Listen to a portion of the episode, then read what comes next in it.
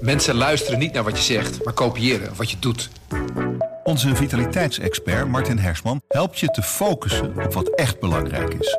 Beluister en bekijk Martin of een van onze andere experts op businesswise.nl. Businesswise, het nieuwe platform voor iedereen met ambitie. Dit is de AD Nieuws Update met Jamie Trainte. In het Katshuis is tot gisteravond laat koortsachtig overlegd over nieuwe coronamaatregelen. Vanavond tijdens een persconferentie worden die bekendgemaakt. Niels Klaassen, parlementair verslaggever. Ja, wat is er tot nu toe duidelijk over hoe die maatregelen eruit gaan zien? Nou, het was een uh, lange vergaderdag gisteren. Ze staan blijkbaar voor het moeilijkste besluit uh, in deze crisis. Want uh, het record in het katshuis is volgens mij verbroken.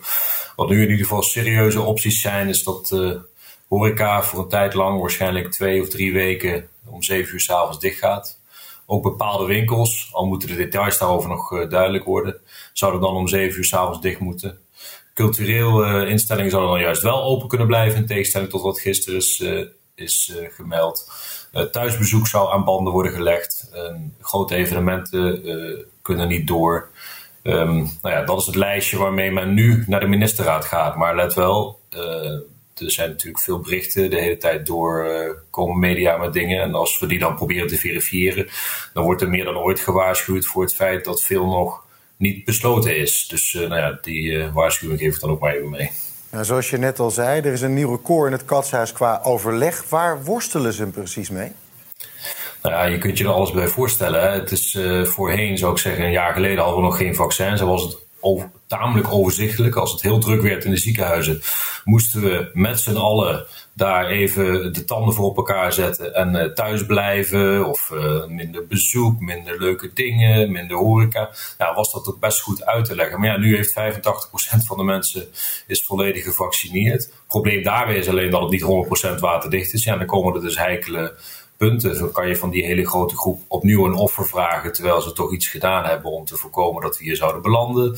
Uh, kun je aan de andere kant een protocol gaan invoeren. Dat is ook een heikel punt wat nog uh, ter discussie ligt om uiteindelijk ongevaccineerden op bepaalde plekken niet welkom te heten. Die zogenoemde 2G-benadering, zoals die in Duitsland en Oostenrijk wel geldt. Alleen als je genezen bent, alleen als je volledig gevaccineerd bent, 2G's, dan ben je welkom. Na een negatieve test niet meer. Nou ja, dat zet het hele Nederlandse systeem op de helling, want hier hadden we altijd een alternatief voor een vaccinatie. Toch is dit wel degelijk een reële optie, ook geadviseerd door het OMT al vaker. Nou ja, ook daar wordt men het niet snel over eens. Zeker bij coalitiepartner ChristenUnie leven daar grote bezwaren tegen.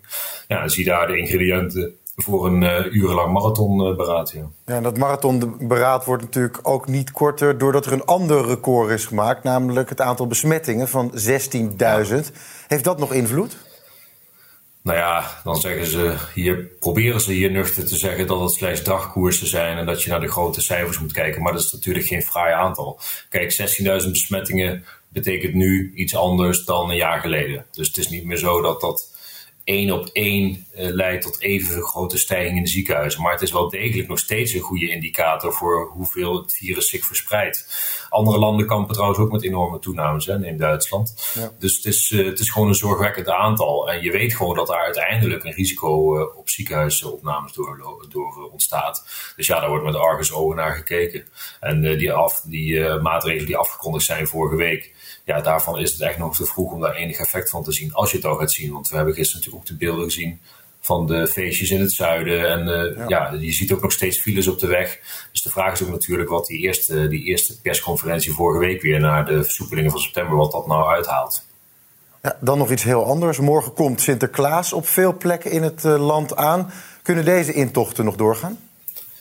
Ja, volgens mij, en ook daar enig voorbehoud, volgens mij wel, omdat uh, de regels pas zaterdagavond ingaan. En, ja. uh, het gaat ook om een buitenevenement. En ook daarover heb ik nog geen scherpte hier. Dus volgens mij volgens nog wel, ja. Dankjewel Niels Klaassen voor je toelichting. Door oplopende coronabesmettingen gaan op meerdere plekken in het land Sinterklaas-intochten niet door. Maar in Rotterdam wordt morgen wel de Goedheiligman verwelkomd. Verslaggever Jelle Akerboom staat al op de plek waar hij aan uh, zal komen morgen. Hoe gaat de intocht van Sinterklaas er morgen uitzien? Ja, je moet het natuurlijk altijd een beetje mysterieus houden. Maar uh, een van de organisatoren, uh, Sebastian Vos, jij staat hier naast me. Ja, zoals jullie het nu gepland hebben, hoe gaat die uh, intocht eruit zien morgen?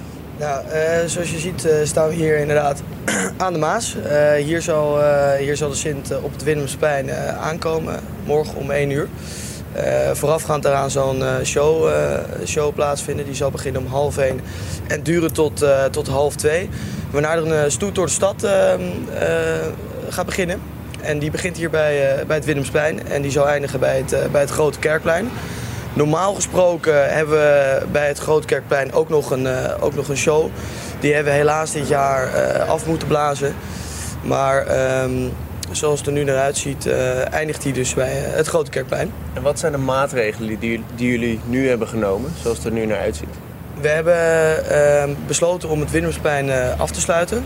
Uh, we hebben, daar zijn hekken omheen en we zullen checken op, op de corona-toegangsbewijzen. En ehm, daarnaast hebben we gekeken naar de toegankelijkheid, van het plein. Um, er kunnen 11.000 man uh, kunnen op het plein, maar uh, we zullen maar 5.000 man, uh, 5000 man toe, toelaten.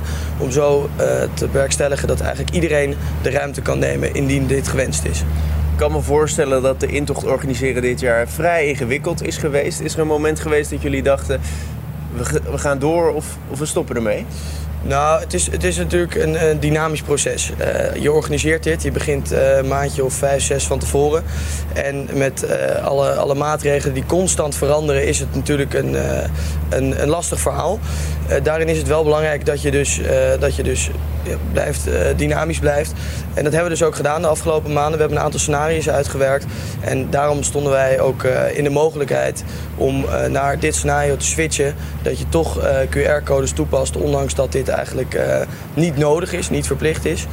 En we zijn hartstikke blij dat we het op deze manier kunnen doen. en dat, ja, het maakt het lastig, maar het, het, het, is te overzien als je de scenario's uitwerkt. Het wordt alleen maar lastiger. Vanavond weer een nieuwe persconferentie. Het OMT adviseert een korte lockdown. Hoe kijken jullie naar die persconferentie uit? Het is, natuurlijk, uh, het is natuurlijk altijd even afwachten wat, uh, uh, wat er uitkomt. je hoort natuurlijk al wel het een en ander in, de, in de wandelgangen en je ziet het een en ander op het nieuws. Maar um, wij hebben, zoals gezegd, een aantal maatregelen getroffen. En met die maatregelen hebben wij toch de goede hoop dat wij de intocht door kunnen laten gaan morgen. Stel, er wordt besloten tot een korte lockdown. Maak je je daar grote zorgen over? Uh, nou ja, we staan in nauw contact met de gemeente. Dus uh, indien dit gebeurt, wordt er direct contact opgenomen. Gaan we even bespreken wat, eh, welke stappen er worden, worden genomen. Maar ehm, ja, zoals ik al zei, zoals het er nu naar uit, uitziet, hebben we de goede hoop dat het door kan gaan. En Sinterklaas aankomen zal die toch? Sorry? Hij, hij zal aankomen toch? Zeker weten. Zeker dat is uh, in ieder geval een geruststelling, Jamie. Vanavond dus die persconferentie. Daar zullen ze in ieder geval met spanning naar kijken. Jelle, dankjewel.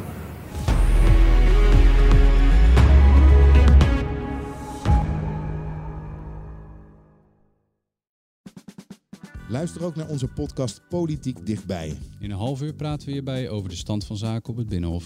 En niet alleen vanuit de wandelgangen in Den Haag, maar ook vanuit een regionaal perspectief. We zijn te vinden in onze app, op Apple Podcast en op Spotify. En wie zijn wij dan? Wij zijn Leonard Beekman en Tobias den Hartog. Een goede spreker herken je aan de Q&A aan het eind. Onze lifehack-expert Martijn Aslander geeft je adviezen waar je echt wat aan hebt. Beluister en bekijk Martijn of een van onze andere experts op businesswise.nl. Businesswise, het nieuwe platform voor iedereen met ambitie.